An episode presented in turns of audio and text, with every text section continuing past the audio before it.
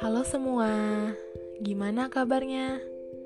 Ketemu lagi sama aku Odi Dan di episode kali ini Aku mau bahas beberapa mitos dan fakta Seputar jurusan ilmu ekonomi Pastinya selama ini banyak kan anggapan-anggapan yang beredar terkait jurusan ini Nah, daripada penasaran, langsung disimak baik-baik ya.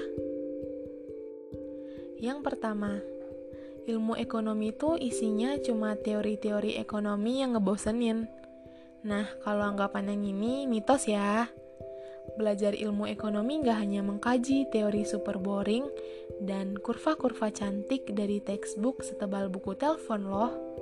Malahan, kalau kamu masuk jurusan ini, kamu akan belajar ilmu matematika. Kebanyakan calon mahasiswa yang memilih jurusan ilmu ekonomi adalah mahasiswa yang menghindari matematika. Ironisnya, ilmu ekonomi justru menggunakan ilmu matematika tingkat dewa. Kalau kamu suka matematika sih, no problem ya.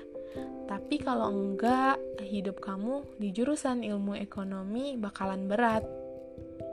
Selain mempelajari perekonomian dalam konteks nasional serta global, mahasiswa ilmu ekonomi juga mempelajari berbagai macam ilmu, misalnya analisa perilaku seperti anak psikologi, strategi perusahaan seperti anak bisnis, pemrograman seperti anak IT, dan turunan rumus matematika yang rumit seperti anak teknik. Jurusan ini lumayan kejam ya, yang kedua, kalau jadi mahasiswa ilmu ekonomi, kerjaannya bikin penelitian terus. Nah, kalau anggapan yang ini fakta. Penelitian tuh bisa dibilang makanan sehari-harinya mahasiswa ilmu ekonomi. Kenapa? Karena salah satu prinsip ekonomi adalah setiap keputusan yang dipilih haruslah yang memaksimalkan utilitas.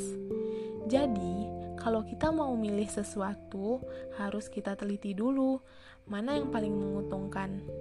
Sedikit ribet ya, tapi memang begitu adanya. Prinsip ini bahkan diterapkan dalam hal percintaan loh. Makanya mahasiswa ilmu ekonomi lumayan selektif dalam mencari pasangan. Jadi berbahagialah kamu yang sudah terpilih menjadi pasangan mahasiswa ilmu ekonomi karena artinya kamu adalah pilihan yang paling oke berdasarkan hasil penelitiannya. Yang ketiga, jurusan ilmu ekonomi masuknya gampang, tapi lulusnya susah. Nah, kalau yang ini merupakan mitos ya. Mitos populer ini adalah salah satu faktor yang membuat calon mahasiswa pada takut memilih jurusan ilmu ekonomi. Apalagi kalau udah lihat mata kuliahnya yang susahnya minta ampun. Jadi kebayang deh lulusnya sesusah apa. Tapi, meskipun anak ilmu ekonomi mempelajari banyak bidang, bukan berarti lulusnya lebih lama dibandingkan mahasiswa jurusan lain. Semuanya balik lagi ke kamu. Apakah kamu giat belajar dan rajin melakukan penelitian? Atau apakah dosen kamu nggak pelit nilai? Jika kamu bisa memahami konsep ilmu ekonomi dengan baik dan benar, mata kuliah susah ataupun penelitian segambreng nggak akan menghalangi kamu untuk lulus cepat. Plus, kalau kemampuan matematika kamu cukup oke, okay, kamu akan bisa memecahkan semua bidang yang dipelajari di ilmu ekonomi dengan analisis matematika yang tajam. Ingat, yang dipahami adalah konsepnya, bukan materinya. Jadi, kalau kalian serius dan paham konsep ilmu ekonomi, gak usah takut bakal lama lulus. Anggapan selanjutnya, palingan lulusan ilmu ekonomi cuma bisa kerja di pemerintahan. Nah, kalau yang ini mitos ya guys. Lulusan jurusan apa pun bisa kerja di bidang mana pun kok. Jadi, kalau kamu lulusan jurusan ilmu ekonomi, bukan berarti kamu cocok kerja di pemerintahan. Banyak kok lulusan ilmu ekonomi yang jadi manajer berbagai perusahaan, bahkan mengelola bisnis sendiri.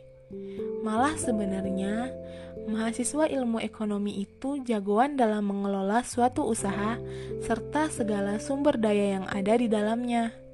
Karena mahasiswa ilmu ekonomi nggak hanya mempelajari perekonomian Indonesia, namun juga mempelajari perilaku masyarakat, perusahaan, serta pemerintah.